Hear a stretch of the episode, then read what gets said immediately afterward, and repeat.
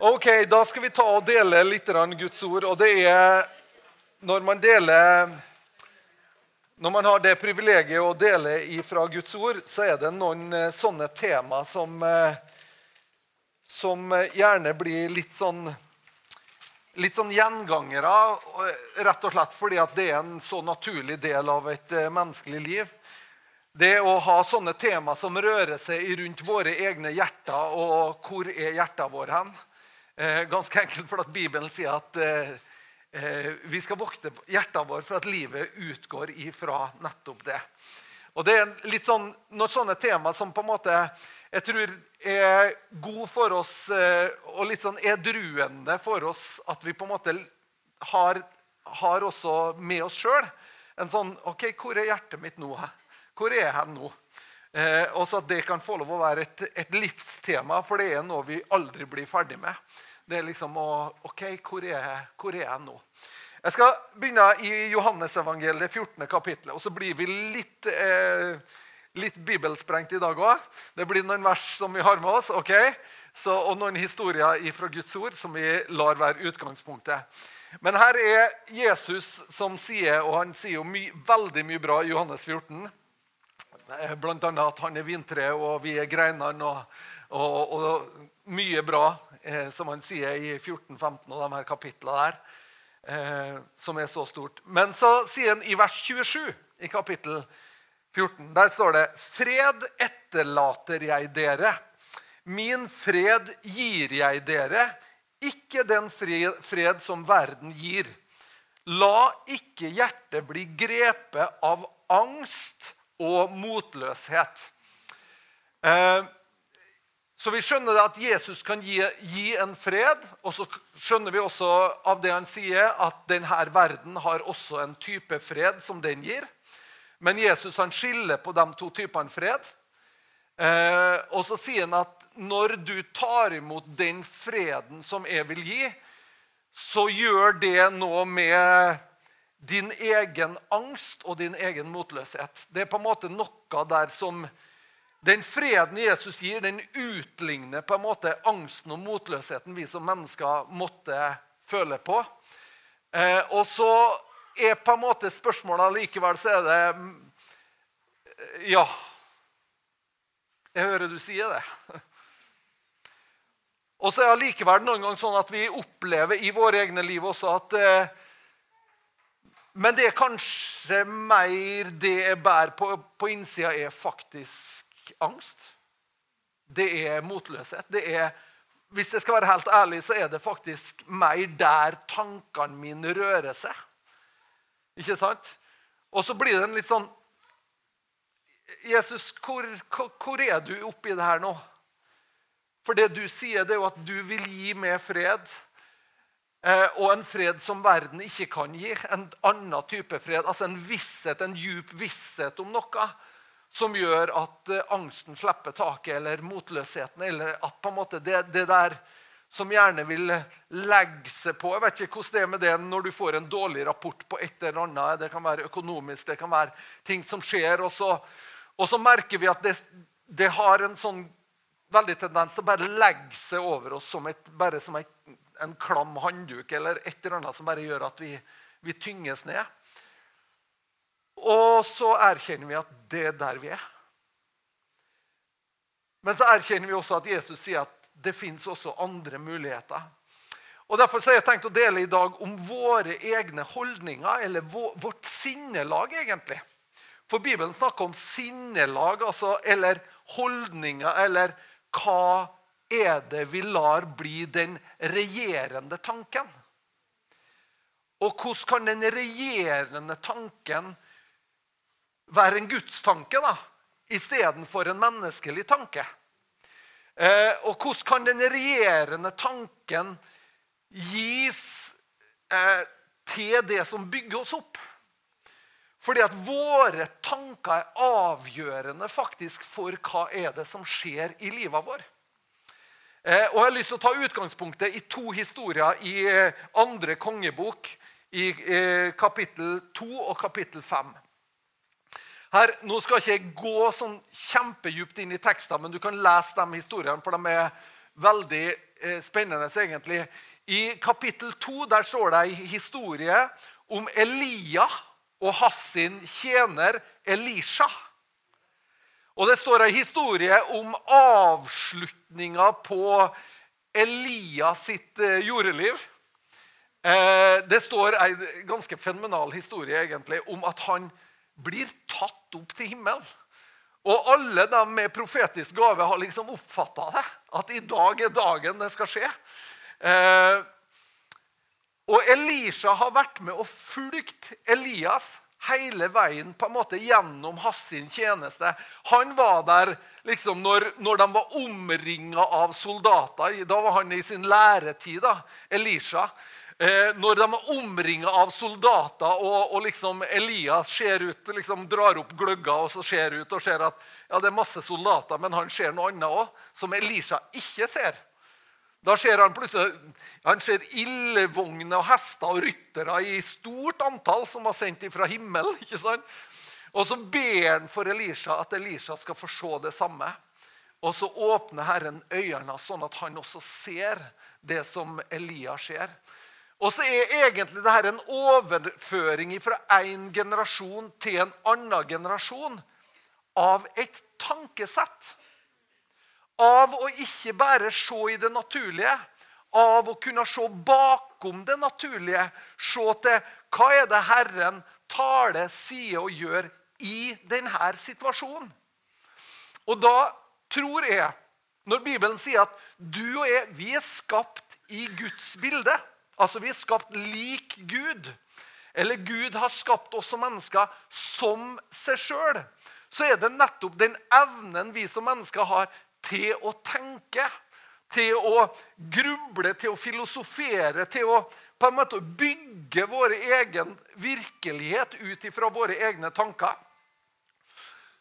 Den muligheten har Gud gitt oss, og vi er lik Gud. Og når han da sier til oss at vi som mennesker som er skapt i hans bilde, vi kan ta våre tanker til fange under lydighet imot Kristus så betyr det at den evnen den besitter vi faktisk. Det vil si at Du og jeg vi trenger ikke å være offer for hver tanke som kommer til oss, eller hver tanke som gjerne vil spinnes videre på. Jeg vet ikke om det, altså, Jeg har en mor hun har en vanvittig til fantasi når det gjaldt hva som kunne gå galt. Når vi guttene ikke kom hjem tidlig på kvelden. eller etter. Altså, om det var midt på sommeren, så kunne hun se for seg snøbrøytekanter hos Nei, ikke riktig så galt, men altså, utrolig, altså, For når vi begynner å spinne på en tanke, så er det så lett at den bare spinner av gårde. ikke sant? Og så er det som skapes i oss, er angst og motløshet. Istedenfor at Oi, her kommer det en fred. Elisha er med den forrige generasjonen. Og så fortsetter historien, og når han forlater, så sier til slutt Elia til Elisha i, eh, i, eh, i vers 9 Mens de gikk over Jordan, sa Elia til Elisha, si meg, hva kan jeg gjøre for deg før jeg blir tatt fra deg? Elisha sa, la meg få din ånd i dobbelt mål. Og hva er din ånd? Hva er det? Din ånd? Jo, det er det du bærer med deg. La meg få, la meg få de holdningene, la meg få den, det tankesettet. La meg få del av din, altså det du er som person. Ikke la meg Å, Om jeg bare kunne tatt over huset ditt. Ja, men Kan ikke jeg få aksjeplasseringene dine, da? Kan, kan, ja, men du, hvis Noe av det du har lagt opp, det trenger jo ikke du lenger nå. Kan, kan ikke jeg få det, da? Eller jeg vet jo at du hadde det ganske greit, så, så om jeg bare det, det, hadde vært fint. Eller ja, kan jeg få nyhetsbrevet ditt, så kan jeg liksom bare fortsette. Men det var ikke det som var spennende. Det var det, det som du som person er bærer av. Din ånd, det er det jeg er interessert av, og vil ha det i dobbelt del. Og så er det interessant å lese om Elisha, da. Elias han gjorde 16 mirakler, som det står skrevet om. Elisha gjorde 31 mirakel mens han levde. Og det siste miraklet gjorde han etter at han var død. Så han gjorde altså til sammen så gjorde han 32 dobbelt så mange mirakler. som det står. Så han fikk en dobbelt del av salvelsen. Av den ånd som bodde. Men la oss, la oss heller tenke på, i stedet for å tenke på en salve, la oss tenke på det som en ånd, som et, som et tankemønster, et handlingssett, en måte å håndtere livet på. Ikke sant? Det er det vi vil ha tak i. Vi vil ikke bare ha tak i det ytre tingene. ikke sant? Hvis det er det er lett å tenke om når man ser mennesker som har lykkes med noe i livet, kanskje noe du har lengta etter, så tenker vi Evelyn hun har lyst til å synge. sant? Så ser hun noen som har lykkes med det å synge. Og så tenker man jeg vil også ha det du har. Men veldig ofte når vi ser andre mennesker som har noe, så vil vi ha det de har, men vi vil ikke ha det de har gjennomgått for å komme dit. Så vi, på en måte, vi vil ha det ytre, vi vil ha det som på en måte vises. Vi vil ha, jeg vil også ha det du har, eller jeg vil ha opplevd det du har opplevd. Altså, Vi på en måte stripper det for følelsene, eh, kampen og det som et menneske har gått igjennom. Hvor mange vil ikke ha menighet som Brian Houston og Hillsong? Altså, Spør en pastor har du, har kunnet Jeg tror ikke jeg har klart det. Men mange ganger så sier vi ja fordi vi, vi, sier ja til det ytre. Vi sier ja til det som ligger på Instagram. liksom. Vi sier ja til det som kan postes på Facebook. det som kan... Men så veit vi ikke hvilke kamper som ligger til grunn, og vi veit ikke hva som ligger i bunnen for det som vi ser. Vi vet ikke skyggesiden, vi vet ikke baksida av det, vi vet ikke nedturene, vi vet ikke baktalelsen, vi vet ikke vennskaper som kanskje har gått i stykker. Vi, vet, vi kjenner ikke de tingene. Men hvis vi sier ja til den ånd, eller det sinnelaget da, som bor i Kristus Jesus, da kan vi bli bærere av vårt eget liv, som kan få lov å vokse. Ikke sant? Men svært ofte så er mennesker, vi mennesker vi er sånn at vi vil gjerne ha noen sikre Vi vil ha noen sikre kort på hånda. Vi vil ha noe håndpåtakelig, noe som er fast, noe som er ja, men det her er noe jeg kan sette min lit til. Ikke sant?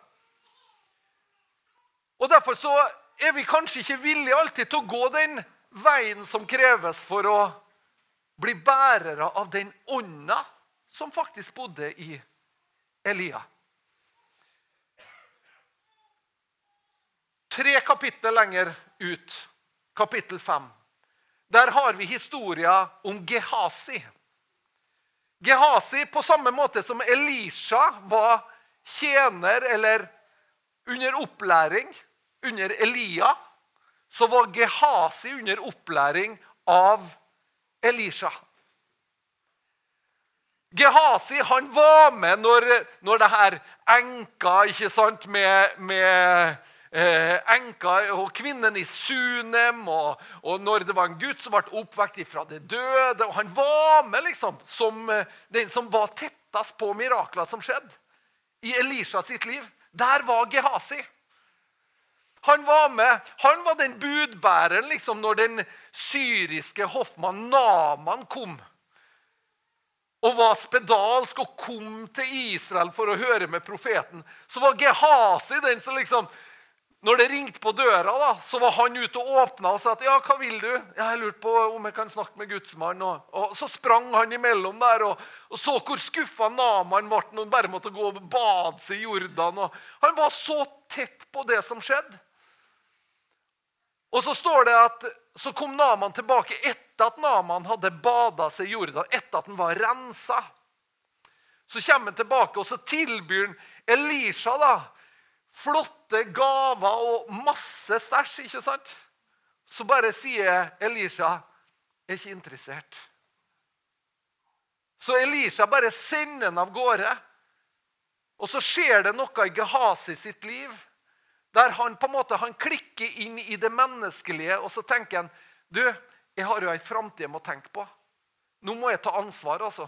Her har vi akkurat sagt nei til en mulighet her nå.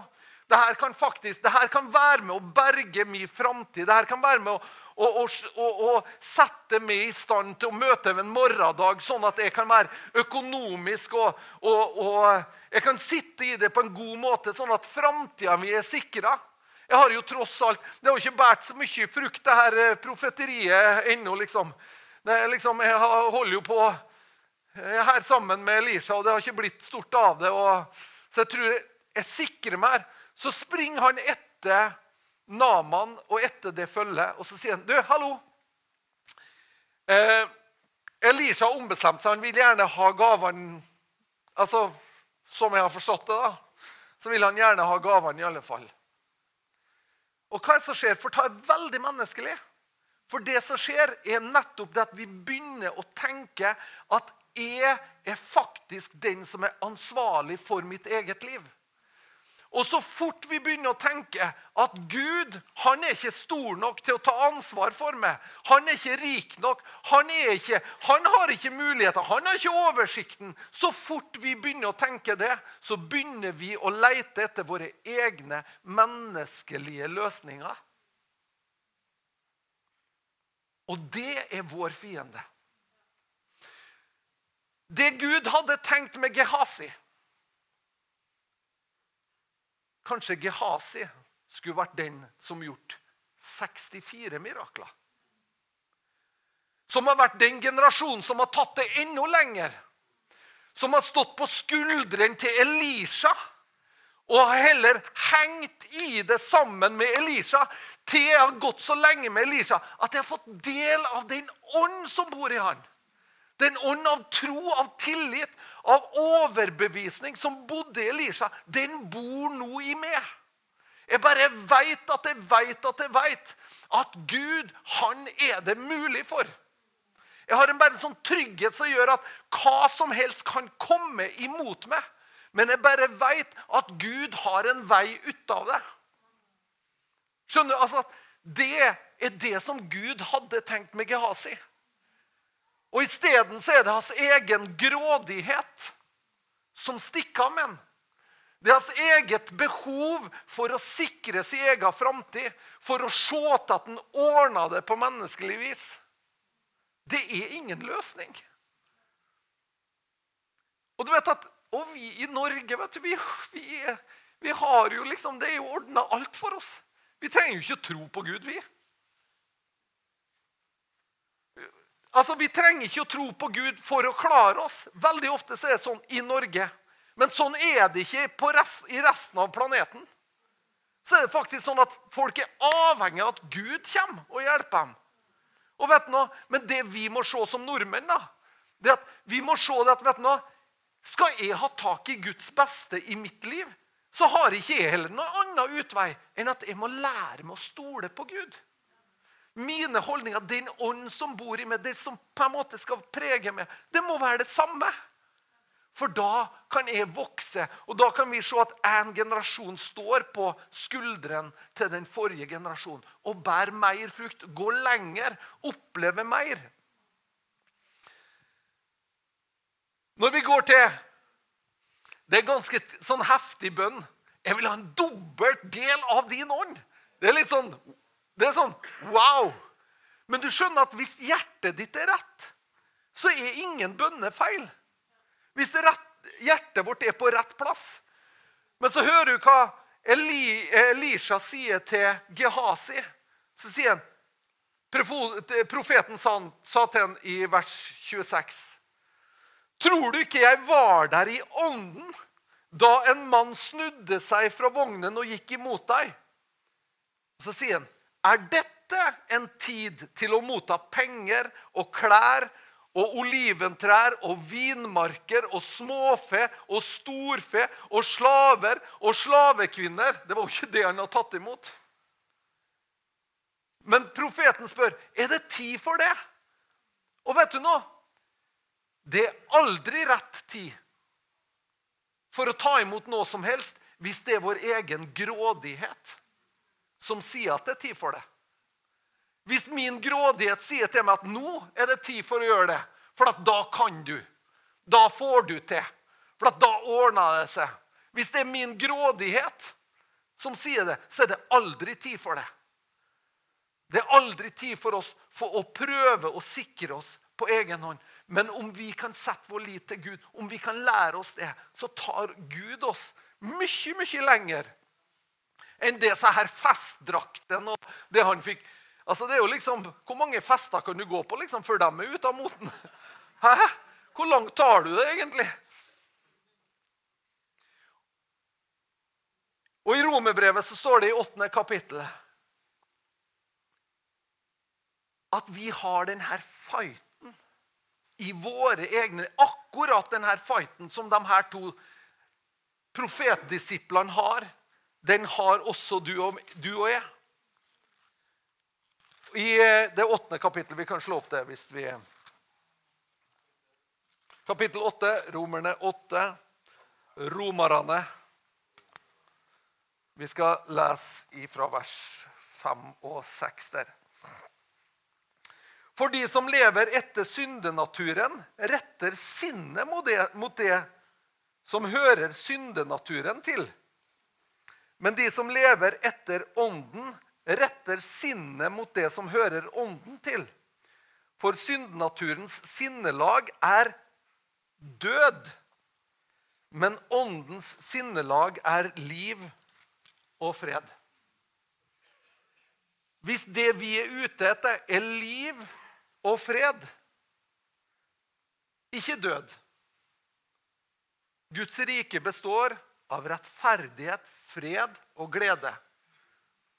Det betyr altså at det du og jeg må bestemme oss for For akkurat som Jesus sier at 'min fred er etter, Jeg gir dere min fred'. Men det er faktisk det er litt sånn at det er du og jeg som må ta imot den. At vi må bestemme at ja, men det er faktisk den freden jeg er ute etter å leve i. For du skjønner at vi kan få del i samme pakka, men så tar vi ikke imot det, det samme fra samme pakka. Det blir faktisk et spørsmål om mitt liv, hvordan jeg ønsker å leve det. Hva er det av de her bitene jeg vil ha tak i? Vil jeg ha tak i alt, eller vil jeg ha tak i liksom, litt sånn fint så ordne det meste sjøl? Grunnen til at jeg sier vet du, det er for at jeg har en sånn overbevisning om at Gud har det beste livet for oss. Og at det beste livet det fins i tilliten til Gud. Jeg, jeg, har en overbevisning om at når du og jeg bare strekker oss etter det han har for oss, så er det han som evner å ta oss igjennom det som møter oss, og som er krevende. Han har mer oversikten, han har mye mer enn hva du og jeg har. Og jeg hører også, Hvis vi tar med det her verset, som er, liksom, det er jo mitt favorittvers vet du, det er For alle oss som liksom ikke helt får det til sjøl, så er det her, det her er favorittverset. Og det er i vers 1 i kapittel 8. Derfor er det da ingen fordømmelse for dem som er i Kristus Jesus. Yes! Altså, det er liksom Å, ja.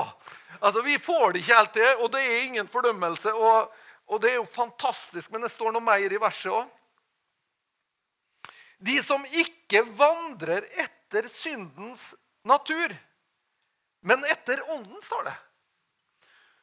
Så det som skal til for at du og jeg opplever dette livet, er faktisk at vi velger å vandre etter det. Velger å si nei, men jeg nøyer meg ikke med bare det her. Hvordan så det ut på utsida? Hvordan så det ut for alle andre? da? Gehazi, hva med Gehazi? Jo, for alle andre så så ut som men Gehazi ja, du, det er jo han som henger med Elisha. Wow, hvor kult det ikke var Gehazi, da. Ja, Det er heftig, det. Tenk, tenk, å, tenk om jeg har vært Gehazi. Tenk å kunne ha fått lov å hengt med profeten og svirrer rundt, og noen har mista ei øks, og du liksom kommer der, og det er med å spikke en pinne og hyve ned, og øksa flyter. Wow, liksom. Du er kompis med Gehazi, liksom. Hæ? Legg det ut på Facebook, du.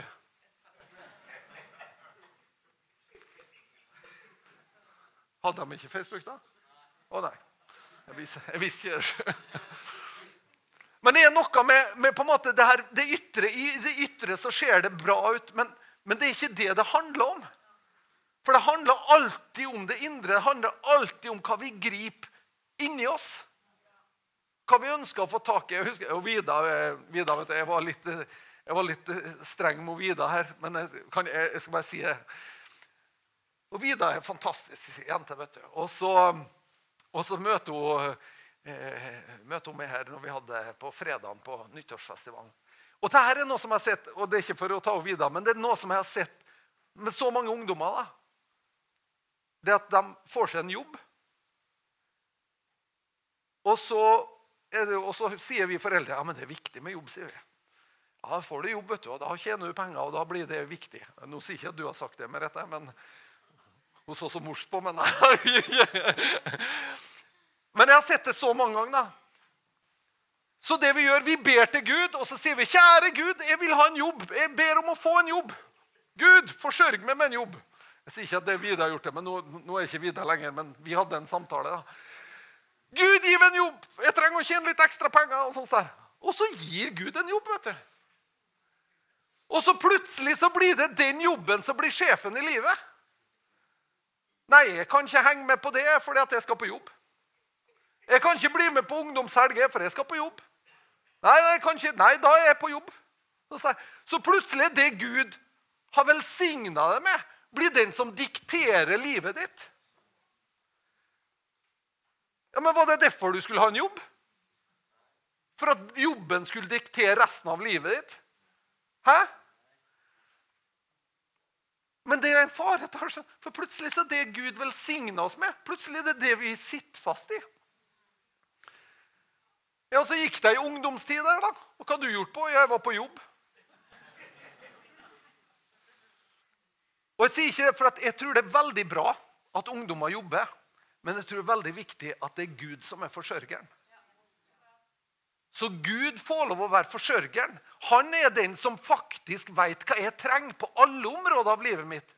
Og jeg kan ikke lære meg når jeg er ung, at jeg misser ut alt det av det Gud har for meg. Fordi at jeg må jo på jobb. Fordi at, Og hvorfor da? Ja, Hvor mye tjente du, da? Gjennom ungdomstida mi så tjente jeg 50 000 mer enn det. Og så gikk du glipp av alt annet òg. altså, bare skjønn tanken. altså skjønn det er faktisk sånn at det er Gud som er det viktigste i livet vårt.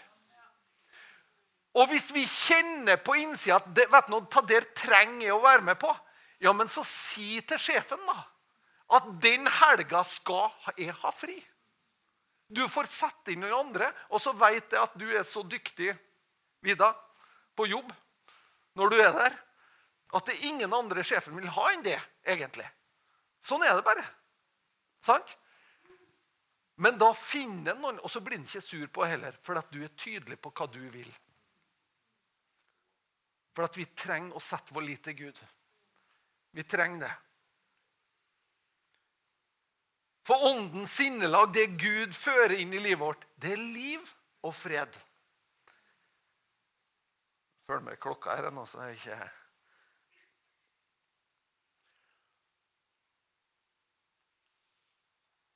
I 2. Timoteus brev så står det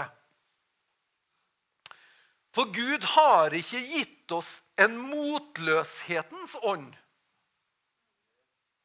Gud har ikke gitt oss en motløshetens ånd. Hvis vi tenker nå på Elia, så var det ikke det han var bærer av. Det var mange greier liksom, i Elias sitt liv òg, var det ikke? Det var hærer, det var fiendhærer, Det var mye greier, altså. Men når Elisha så på Elias sitt liv, det var noe attraktivt der. Det var noe han var bærer av. Og det var ikke en motløshetens ånd midt oppi alt. Skjønner du? Og Gud gir oss ikke en motløshetens ånd når du kommer ut liksom ifra ditt bønnekammer. Så Jeg er så deppa. Jeg har vært i bønn, skjønner du. Jeg er så deppa. Jeg blir så motløs av å være med Gud, altså. Du blir ikke det. For, det, for han har ikke det i, si, i, i, sitt vesen. Så har ikke han motløshet. Men vi mennesker vi lærer oss å bekymre oss vi fra vi er knøttsmå. Så vi blir liksom VM i bekymring. Og så sier Guds ord gang på gang liksom, du kan ikke legge en alen til din livslengde med all din bekymring. Men allikevel skal vi holde fast ved det her. Han gir oss ikke en motløshetens ånd, men han gir oss kraftens, kjærlighetens og sindighetens ånd. Kraften, hva er kraft? Når ting møter det, så gir han ei kraft. Altså Han gir deg oppreisning, en styrke, noe som på en måte nekter å bøye seg. Det er ikke motløshet. Han sier det vet du, du kan godt bøye meg ned, men jeg, kommer, altså jeg er som jeg spredt opp igjen. liksom. Hva som helst kan møte meg i livet mitt, men det er bare noe med den ånd som Jesus har prega meg, som gjør at vet du, bøy meg ned, jeg kommer til å sprette opp igjen. Ja, det, det skjer kanskje ikke brått, men før eller senere så drrr, Står det opp igjen. Fordi at det er kraft i det. Når vi, når vi, har del av Guds ånd, så er det noe som reiser seg og sier Nei, vet du hva, dette gir jeg meg ikke på. Jeg snur tankene mine, og så tenker Guds tanker i stedet. Og hva sier han? Han sier at ingenting er umulig sammen med meg. Men vi må vende sinnet vårt den veien. Vi må snu tankene våre og våge å tenke det at det er nettopp sånn det er. Og hva er kjærligheten, da? Han gir oss en ånd av kjærlighet. Hva er det for noe? Tenk å oppleve at vi er elska. Tenk for et annet utgangspunkt da, når du har opplevd at vet du, nå er jeg faktisk elska. Jeg er elska av Gud.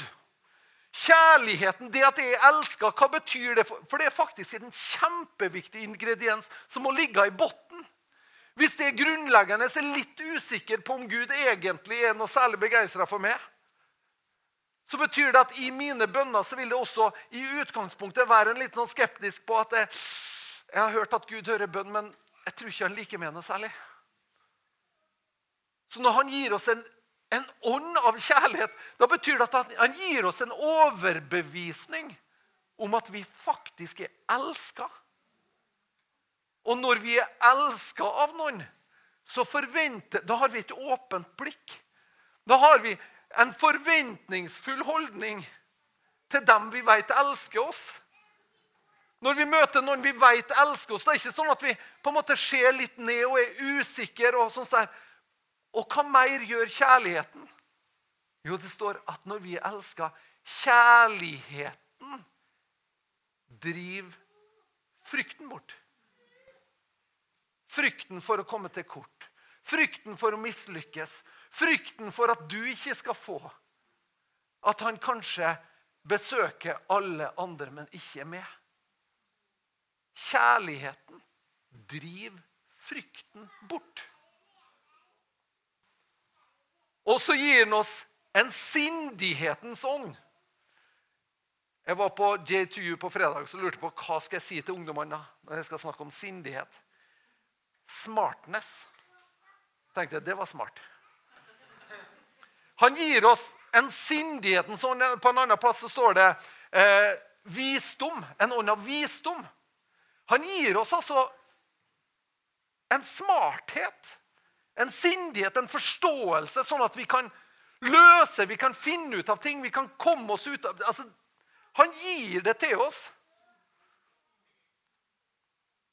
Det som fins i Guds ord. Kraft, oppreisning. Og hva, hvis, du bare, hvis, du tenker bare, på hva det står i ordspråkene, står det at vi, hvis du liksom drar med en løsaktig kvinne eller sånn, står det så veldig festlig så hvis, hvis liksom du gir, hvis, du, hvis det er som opptaler, så kan man jo putte masse ting i det som vi skjønner enda bedre i, i, i vår tid. Det er klart at Hvis, hvis det er fòret med, med pornografi, for eksempel, så sier Bibelen at da gir du en fremmed herre din kraft, står det. Det betyr at som menneske, hvis jeg gjør ting som er skadelig for min ånd og for min sjel, så gjør jeg også noe med krafta i mitt eget liv. Denne krafta som skal være der for å reise meg opp, for at jeg skal på en måte kunne Det gjør noe med den frimodigheten, og det tar nuven av krafta. Det gir du en fremmed herre din kraft. Og det vil vi jo ikke. Så da er jo Da er jo viktig at vi avslører det. Da Da må jeg avsløre det sånn at det kan, sånn at det kan ha kraft. Men jeg må vende mitt sinnelag imot det som Herren har for meg.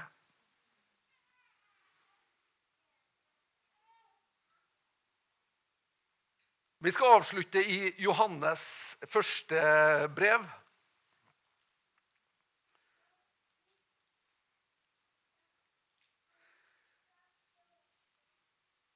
Og da skal vi lese i eh, kapittel fire. Og her er det jo her er det gull, altså. Fra vers 7 og utover til vers 19 så er det gull. Og her står det om hva kjærligheten gjør. Og Gud er kjærligheten. Elskede, la oss elske hverandre, for kjærligheten er av Gud, og hver den som elsker, er født av Gud og kjenner Gud. Den som ikke elsker, kjenner ikke Gud, for Gud er kjærlighet.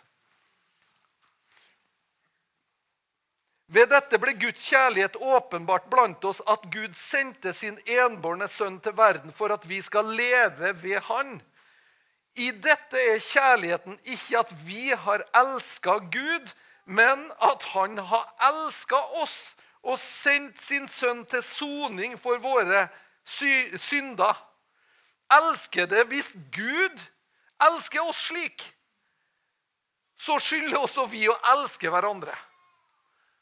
Altså, Hvis du er elska, så er det lettere å elske andre. er det ikke det? Og hvis du er klar å ta imot at Gud faktisk elsker meg Han, han liker meg. Det er liksom, det er godt å stå opp og se seg i speilet på morgenen. Sant? Så jeg, vet du, du, altså, du er så elska av Gud. altså. Når vi opplever at vi sjøl er elska, da blir kjærligheten i oss ei kilde som bare vi kan øse ut over andre mennesker. Og det er en viktig kilde. Ingen har noensinne sett Gud. Hvis vi elsker hverandre, blir Gud i oss. Da er det Guds ånd som er i oss.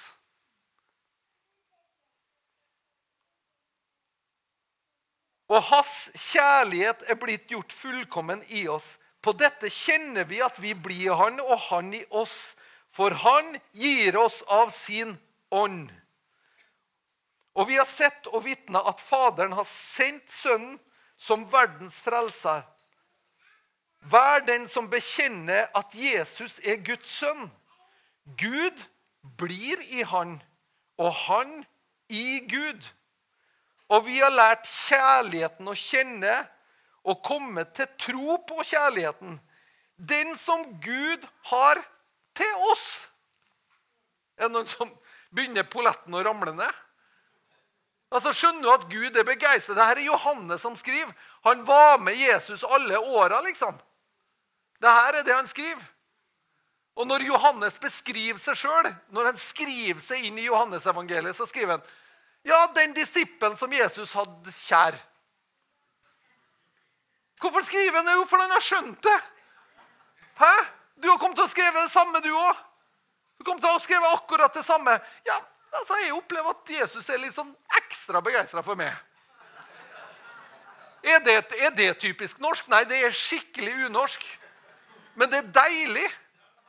Det er deilig. for at, ja, Gud vet du, han, ja, Nå vet jo at han har et godt øye til meg, da, så jeg skjønner jo godt det at han, han pøser på med både bønnesvar og forsørgning og, det, og det opplever ting. Ja, men Jeg skjønner han godt det, for jeg vet han er begeistra for meg. Har du noen gang hørt noen si det? Ja, det var bra. Men det er liksom ikke typisk norsk. Er det det? Nei, det er mer sånn Ja, akk, herre, liksom. Gå du, Når du andre møter, går du meg ei forbi. Er ikke, en sang som er sånn, da? Liksom, det er noe sånt liksom Ja, ja, ja. Nei, det var ikke noe igjen, nei. Nei, nei men jeg hadde jo ikke forventa det. Så, er vi, så er vi der. Men Gud, han elsker oss. Det er den kjærligheten Gud har til oss. Og så står det igjen Gud er kjærlighet. Og den som blir i kjærligheten, blir i Gud, og Gud i Han. At vi kan få forbli i det at han har elska oss. Ja, han ser våre skrøpeligheter, han ser våre svakheter, han ser når vi faller, når vi roter det til. og sånt der. Men gang på gang kan vi få lov å komme og si vet du, mm, nå har jeg prøvd det her i egen kraft igjen. Nå har jeg liksom skulle ha stabla det her opp. Men vet du, nå kan jeg ikke bare få komme igjen. Og så får vi lov å komme på gang på gang igjen. Ved dette er kjærligheten gjort fullkommen iblant oss. At vi kan ha frimodighet på dommens dag. Hæ? At vi kan ha frimodighet. Vi bare veit at vi er elska. For som Han er, slik er vi i denne verden. Det er ingen frykt i kjærligheten. Men den fullkomne kjærligheten driver frykten bort. For frykten regner med straff.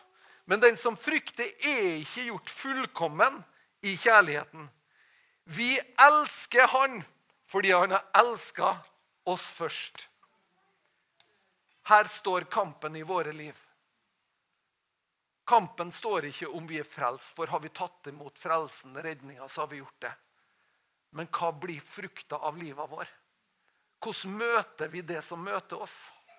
Hva er på en måte er det Når Jesus sier 'min fred gir jeg dere', dere Det er en fred som er basert på at vi er rettferdiggjort. Vi er elska.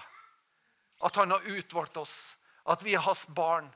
Det er en, det er fred, det er en fred som på en måte har en enorm tyngde bakom seg. Min fred etterlater dere. En fred som denne verden ikke gir. Det er en annen type fred som verden gir. Hvordan fred gir verden? Jo, men hvis jeg bare ordner det nå, hvis jeg bare liner opp noe, hvis jeg bare forsikrer meg nå, ja, da kjenner jeg meg rolig. Sant? Ikke det Gud snakker om. Han snakker om så mye dypere, så mye rikere. Og så sier han at frykten, frykten for morgendagen, frykten for det vi møter, frykten får ikke tak fordi at vi er elska. Vi har vært gjennom to historier med to ulike utganger. Men vi veit hva Gud ønsker for oss. Vi veit at han ønsker en dobbelt del av ånda. En dobbelt del av det som lå på forrige generasjon, skal gå over til oss. Jeg skal avslutte. Personlig så tror jeg at kampen står her oppe. Kampen står i våre sinn. Den står i hvordan du og jeg velger å tenke. Hva vi velger å gi vår tankekraft til. Hva vi velger å meditere på. Hva vi lar spinne.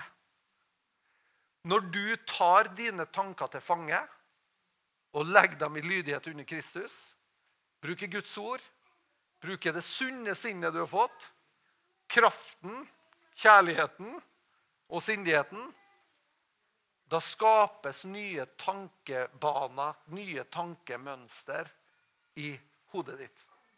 Og det er, det er fysisk. Forskning viser det.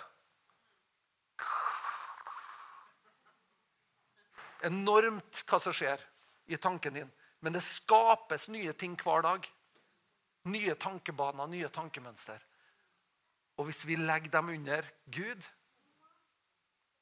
da møter vi livet med nettopp den ånda som bodde i Elia og Elisha. Vi ber til slutt. Jeg takker deg, Herre, for din godhet over hver enkelt. At eh, du kommer oss til hjelp, og så vet du det vi både hvor reelt frykt kan oppleves, hvor reelt angst og motløshet kan, kan på en måte legge seg over oss og, og, og bare holde oss nede. Og, og hvor, hvor, reelt det kan være for oss at det her er bare, det er bare en del av livet vårt. For vi er vant til de tankemønstrene, vi er vant til å gå i de banene. Men jeg bare ber Herre om at du skal opplyse våre hjertes øyne, Herre, sånn at vi ser hva evangeliet sier. og at vi først og fremst ser hvor elska vi er av det, Herre. Det ber jeg om. Og at du bringer det her inn i våre tankemønster, og At du hjelper oss å endre mønstrene våre. At vi kan velge å ta fange de her tankene som ikke er det til behag, eller som ikke stemmer med ditt ord. At vi også makter å ta til fange det som er av negative rapporter, eller det som kommer imot oss som mennesker, det som vi møter, som gjerne vil legge et lokk av motløshet på oss. Jeg ber om det, Herre. Og så bare ber jeg, Herre, om at vi skal få lov å erfare din godhet, Herre. At vi erfarer din trofasthet. At vi erfarer hvordan du kommer, og så møter du oss. Og så møter du oss, og så møter du oss. Hvordan vi kan oppleve det, at vi kan sette vår lit til det. At du er vår Herre. Du er vår gjenløser. Du er den som ordner det for oss. Takk ikke at vi skal være uansvarlige på noe vis, Herre, men til i ytterste konsekvens er det deg vi setter vår lit til. Det ber vi om, Herre. Vi takker for det, Herre. I Jesu navn. I Jesu navn. Vi skal ta en eh, lovsang til slutt, men jeg har bare lyst til å si Når jeg tenker på de 30 år som jeg har gått med Gud Fra jeg var 19 år, så er det Guds trofasthet som er det sterkeste. Man vet med seg sjøl jeg kan ha hatt perioder av lunkenhet, kunne ha hatt perioder der jeg ikke har vært gira, eller ikke har kanskje vært helhjerta der Gud har vil hatt meg. Men Gud har vært trofast. Så noen ganger må du spise frukt av ditt eget liv. Sånn er det. Men så fort vi kommer tilbake til erkjennelse, så er Gud der, og så løfter han oss opp igjen. Så han avviser oss ikke. Men jeg sier du er velkommen tilbake. Erlend, du er velkommen tilbake. Du er velkommen. Mm. Yes. Takk skal jeg ha.